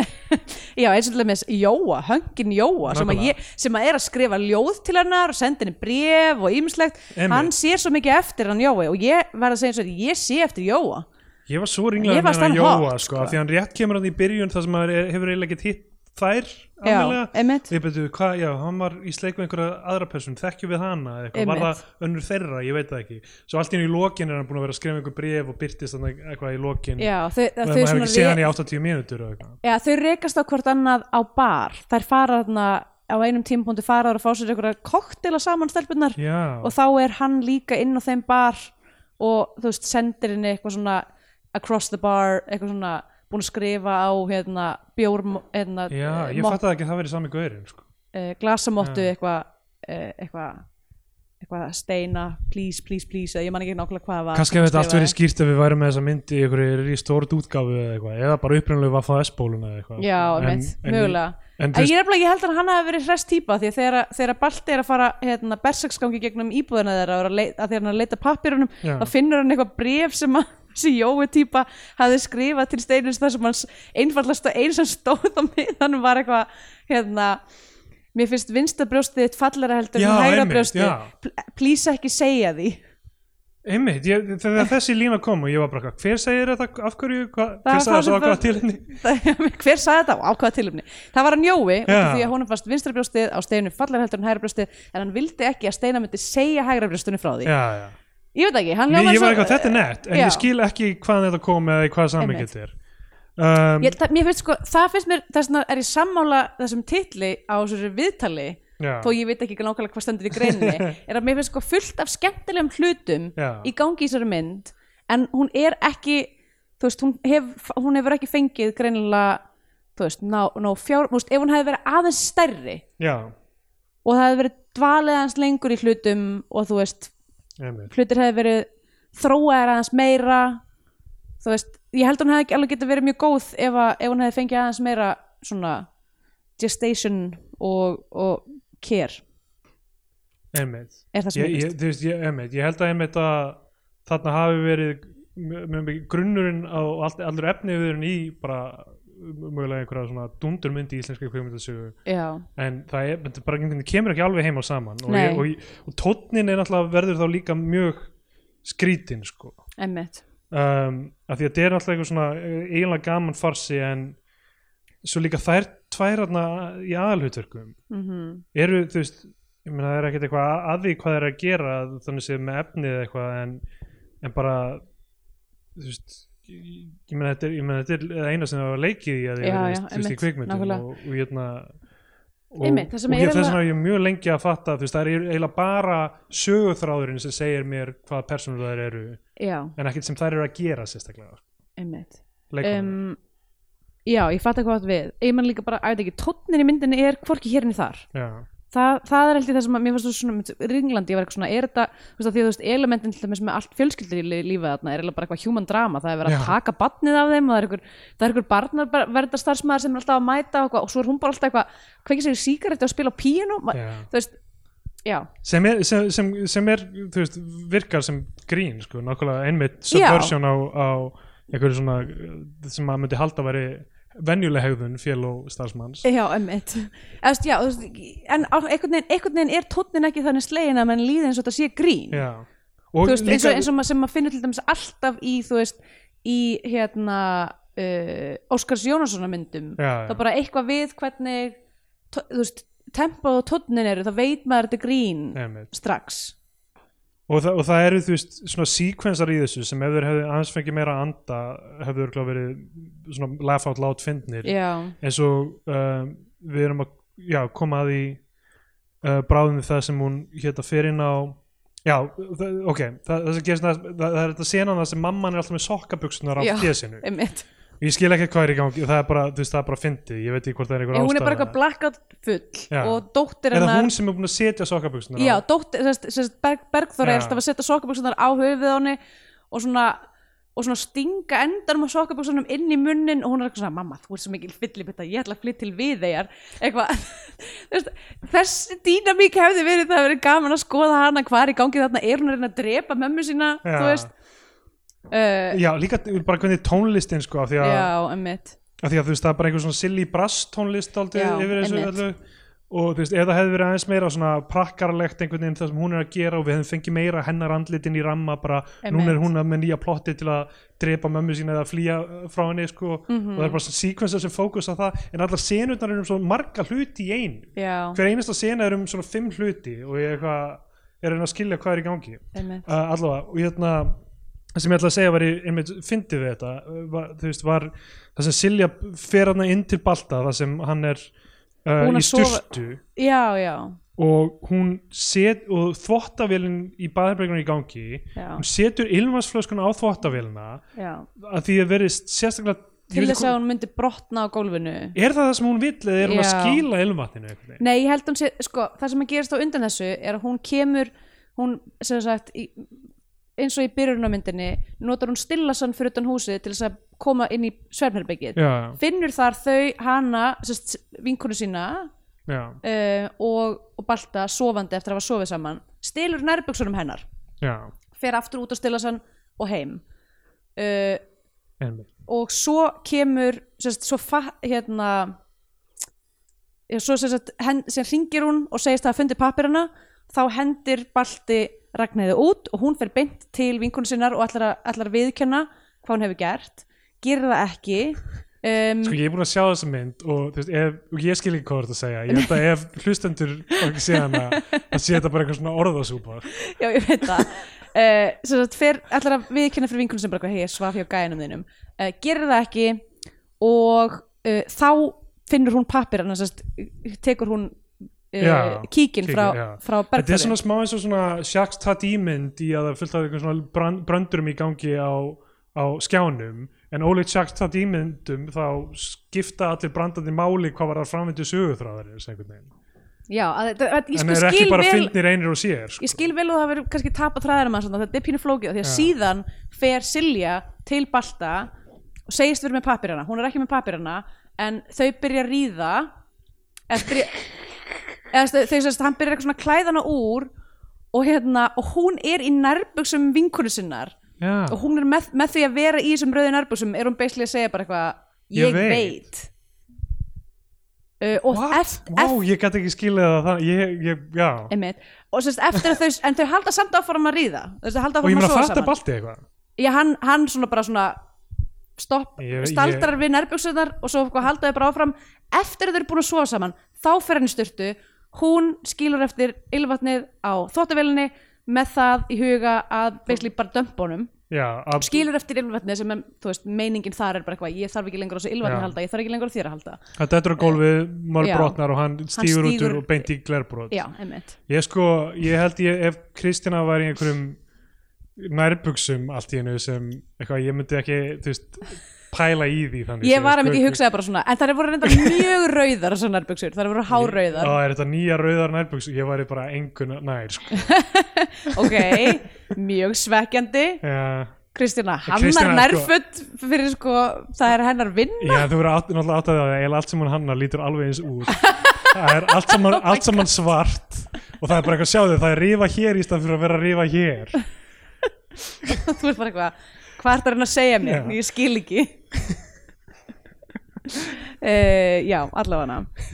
Uh, á þessum tímapunkti já, ok. er Balti orðin mjög desperat með fyrirtækið, hann verður að finna þessa erðaskrá þannig að hann fer núna í íbúðuna já, hennar að leita já, að já. pappirunum en þar er sko badnið er horfið, hún er, hún er horfin og félómætir til að reyna að finna badni Já. en hún uh, hérna, byrja bara að spila á Já. það er hennar endir á þessari mynd hún er að spila á píanóið um, það er að leita að, að, að litlusisturinni Já, sem er enn og aftur Já. komin oh my god, og hún var eitthvað að leika sér okkur um ruslahaugum og ég var bara Já, aldrei að vera með, vera með Benjamin Dúfu átt? Já, nákvæmlega, já, bara gummingóður ef þau eru að fara að drepa Bergþóra Ardóttir þá, þá slekki á myndinni. Þá klára ég hann ekki. Um, og sem sagt hérna uh, á einhverjum tímapunkti kallar hérna mamman uh, félagsstarfsmannin Himpi Gimpi, ég finnst það það er gott.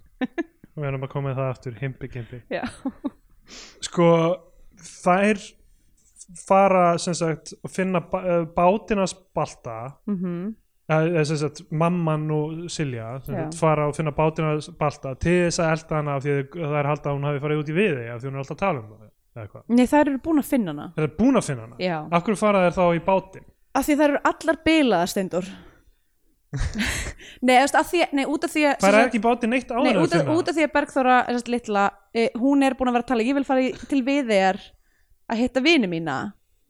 Og ég held, að ég held að það sé bara hreinlega ástæðan fyrir að þær fara í og, lík, var nefn og mögulega líka út af því að karakter Silju eh, vil hérna, ná, sér, ná sér niður á ná sér niður á, segir maður það? Balta, með því einhvern veginn að fara, ta- stela bátnum stela bátnum hans Ok. En já, einmitt, þetta er Ok, af því, því að Balti og hérna, Ragnir veita þeim eftirför. Einmitt. En sjá þær að, að þau veita þeim eftir Já, þess, þau, þau, mæta niður á bryggjuna bara ymmið þegar hún, þegar hún hérna, bakkar út. Já, en þær eru lagðar að stað Þannig að, þær eru ekki að flýja þau.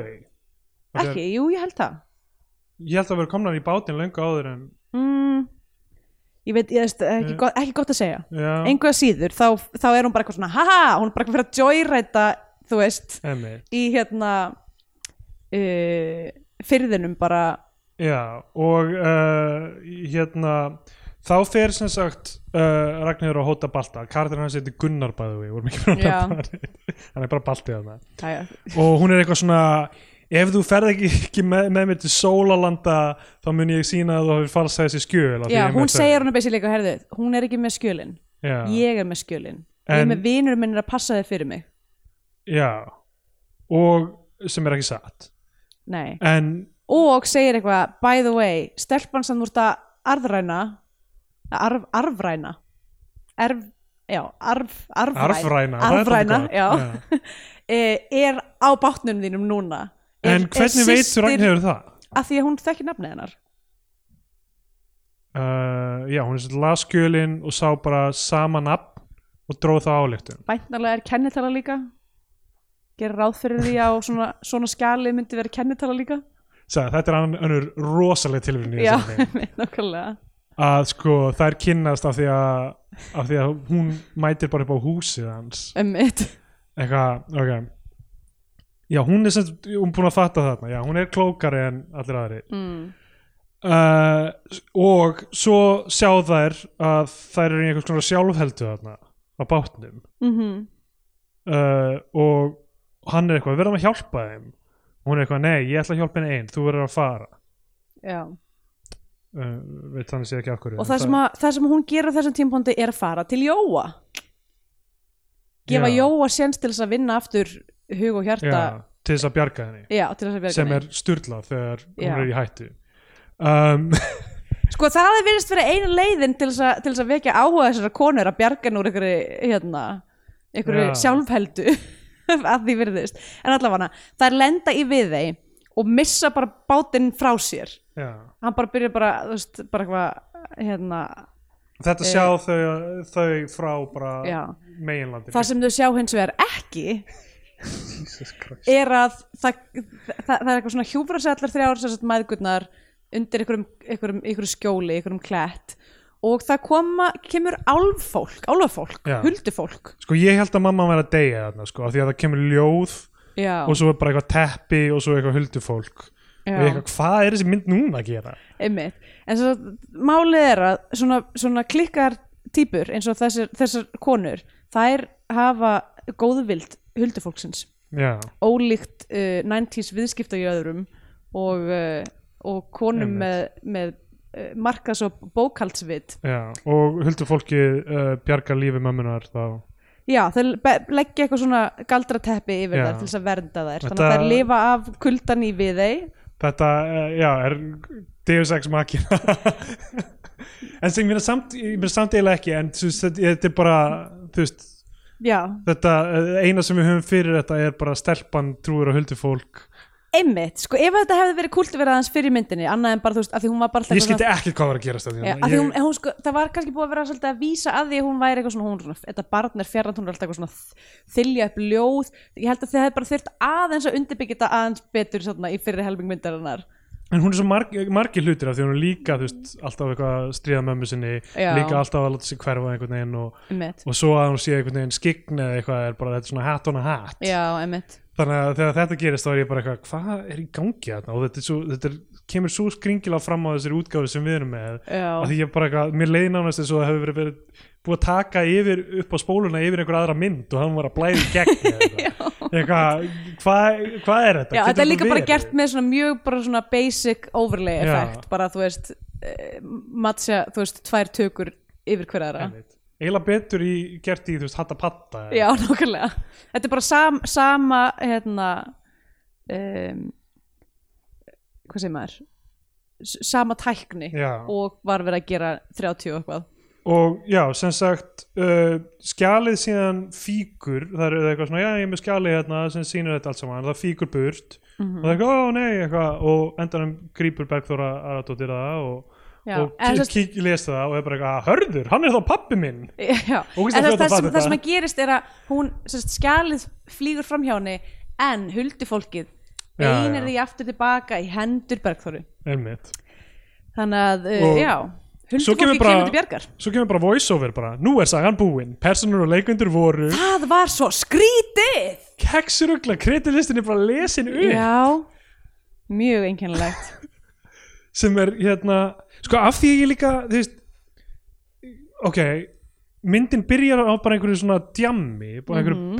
eða eitthvað þannig. Já, Þú veist, ég, ef þessi mynd hefði verið einhvern svona búkenduð með þetta er svona þjóðsaga, þetta er svona eitthvað, þá það hefði þetta make a sense bæði með einhvern veginn huldufólkið já og með hérna og segja í lokin bara nú er sagan búin persónuleik, eitthvað sem Já, hefði já, verið svona einmitt. eins og þetta hefði verið bara eitthvað svona húslestur eða eitthvað. Já, emmitt En myndin byrjar og maður bara, þetta er 90s, bara ungt fólki í Reykjavík, bara Einmitt. hvað er að fara að vera drugs eða eru að fara að ræna heilu blað af síru, selja það til þess að komast til Flórida, það er að fara að vera sögurþráðurinn hérna. Einmitt, en Svo svo er bara allt- gerist það ekki Svo, já, svo er þetta, já, einmitt, þetta er, þetta er að dansa á mörgum sjanra mörgum og Já, þetta verður eiginlega ekkert að. Einmitt, nákvæmlega Já, Á, mjög áhugaverð sem tilraun eitthvað og einhvern veginn ég hugsa með Ástísi Tóruðsson líka sko, Mm. sem gerir Ingaló sem er þú veist eitthvað svona verkalýssaga og þú veist um unga konu og eitthvað þannig veist og, og gerir síðan þetta næst og síðan gerir aldrei neitt annað hvernig sem það atvikast og hún leikstýri ekki innur fleiri.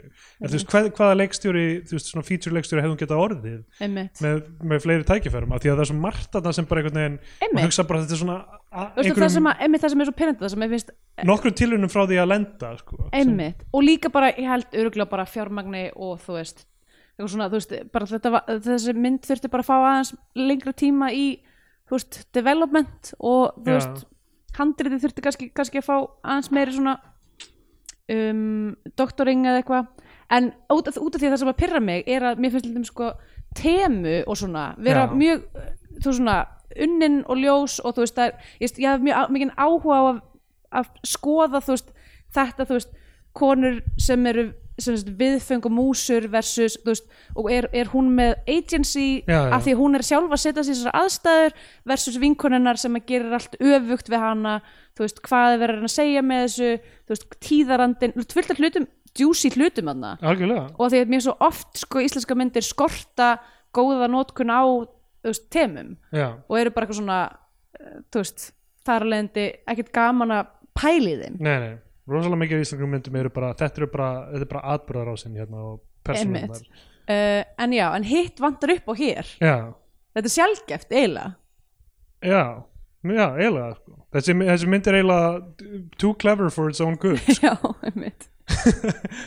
Þetta er fyndið sko og það væri mjög, ég mitt, veist ég velti fyrir mér hvort að betri útgáfi hefði einhvern veginn náð bet, betur í gegn hjá mér sko mm. en bara ef ég einhvern veginn eh, bara veist, hljóðið rann saman einhvern veginn, eh, á nokkrum stöðum var hún eitthvað svona skipa pínu já, það Þú var bara náttúrulega okkar skrá var ekki ég- góð sko já. en þú veist, síðan líka, einmitt bara svona fannst mér tónnin, þú veist eins og þetta bara svona uh, tónnin í myndinni var ekki alveg nógu skýr fannst mér, þú veist tónlistavalið, fannst mér að köplum svolítið pirrandi já. um, Einar Melags sem sinnir tónlistinni um, en allavega um, ef að fara bara í Scandinavian Pain? Já, algjörlega. Heyrðu, það er náttúrulega sko ekki, þegar, þegar, þegar þessi mynd byrjaði hefði ég ekki getað giskað á að það myndi vera huldu fólk í myndinni. Nei, það er bara Eh. kom alveg alveg hérna. eins og þruma. Já. Uh, en já, náttúrulega byrjar þarna á framhjóhaldi, það er framhjóhaldi í gangi það er náttúrulega alkoholiska móðurinn sjálfvala bat eru börn ennþá sjálfvala eða er þetta, heyrir þetta sögunni til á Íslandi? Það er spurning sko, hlýtur að vera sko. Þess mér líður eins og svona 90s börn voru meira og minna bara með líkilum Já. hálsinn að eitthvað vasast eitthvað staðar.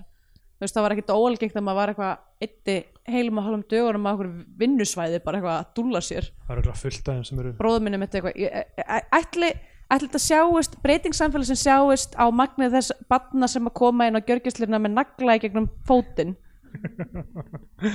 uh, því mér finnst þess að það var bara gerðist fyrir annarkvæmt mann þegar ég var lítil bara eitthvað, æ, hann var á smíðavöllunum og steig á gamla spýtu eða eitthvað svona, æ, hann var eitthvað hann var eitthvað hérna, brjótast inn á, inn á, um, vinnusvæði, steig á nagla það hefur aldrei, aldrei komið fyrir mig af því að ég er unbreakable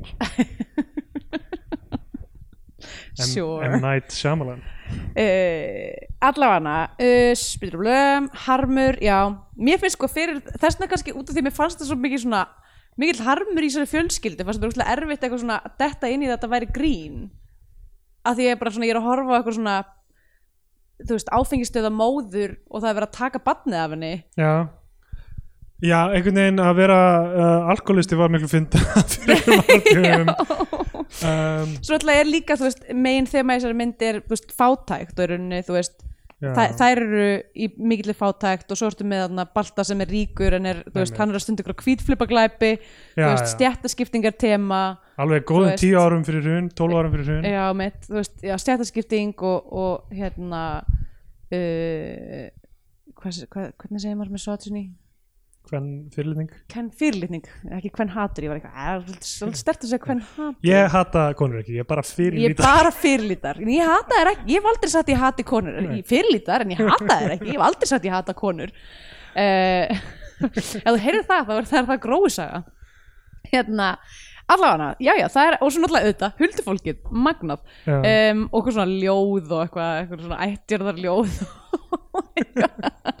ég ætla bara að gefa henni, hérna, ég ætla að gefa henni uh, sex af mm, tíu uh, tíndum eraskrám Já. Já, ég gef henni bara uh, fimm af 11 flöskum af balsam ilmatni þá komið en tímapunkt þess að gjöf myndir eitthvað sess á flagskip íslenska kvikmyndafarin íslenska fánan eða við mannum frekar með að hlusta til hrónungur á bandarinska Hollywood vellu þá farum bandarinska bjánan mm. uh, Já, ég held að ef ég hefði skilið hana betur þá, þá hefði hún oft góðan sens í fánan hjá mér.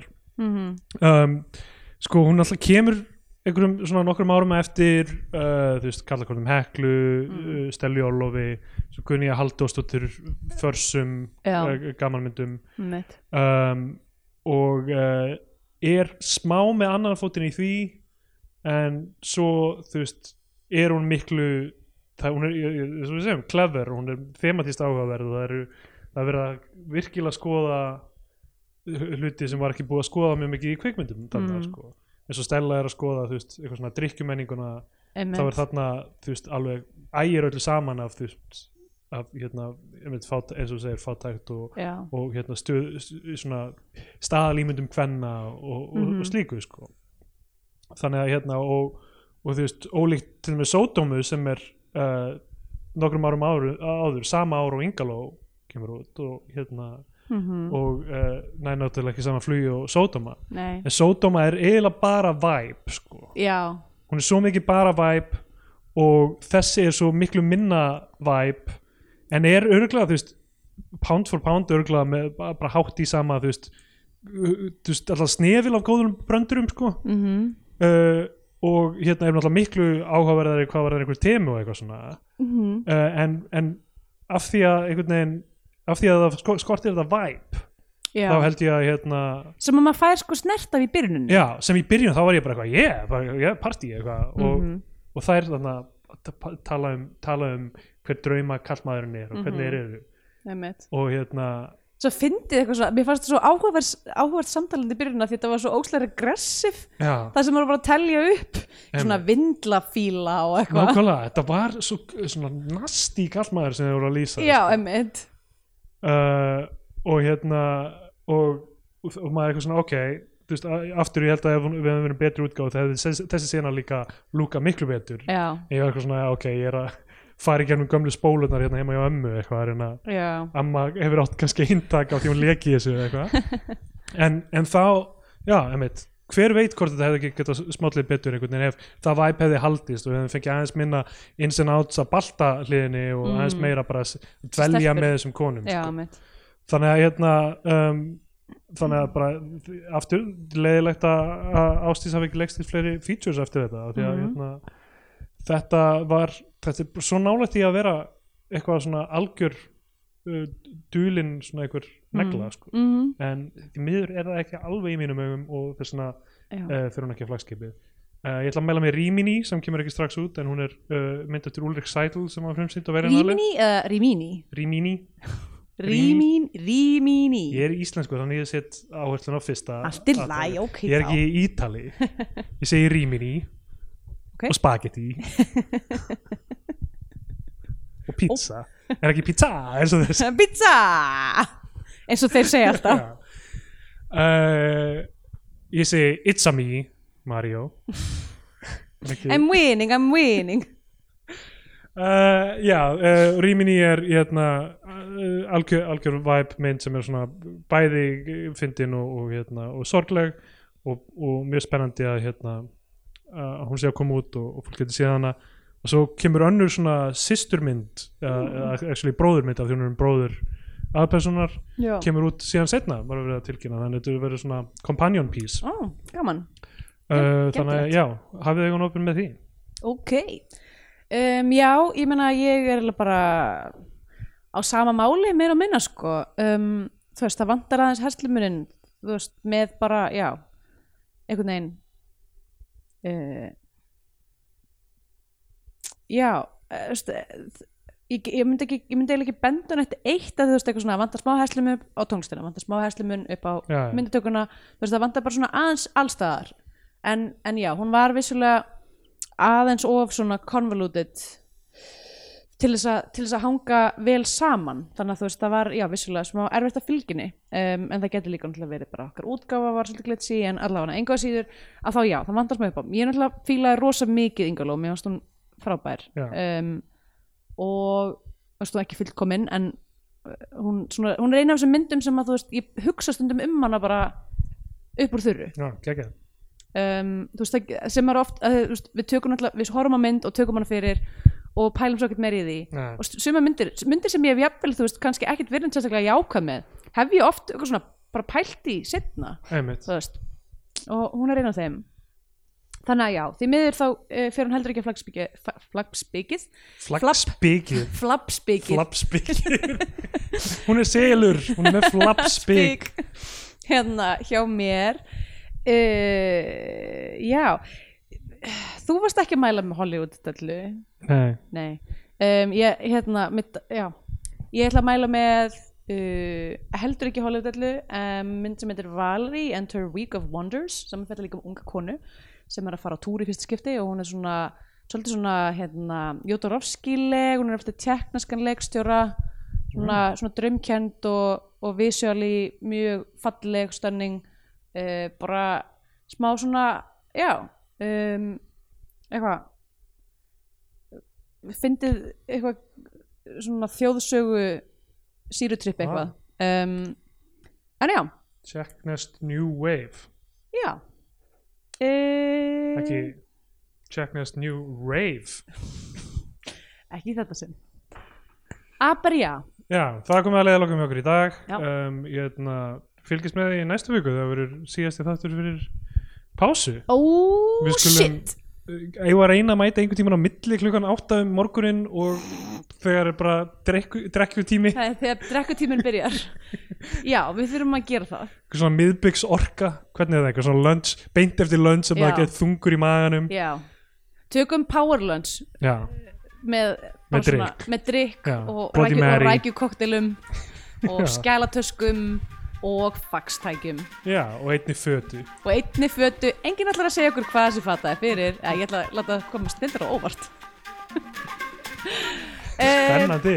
Bistan Ertu að segja, ertu að ég muni neyta cannabis í loka þættinu? Já, það verður spennandi. Þið verður bara, bara, bara hlustunum eftir það til að komast að því. Okay. og goodbye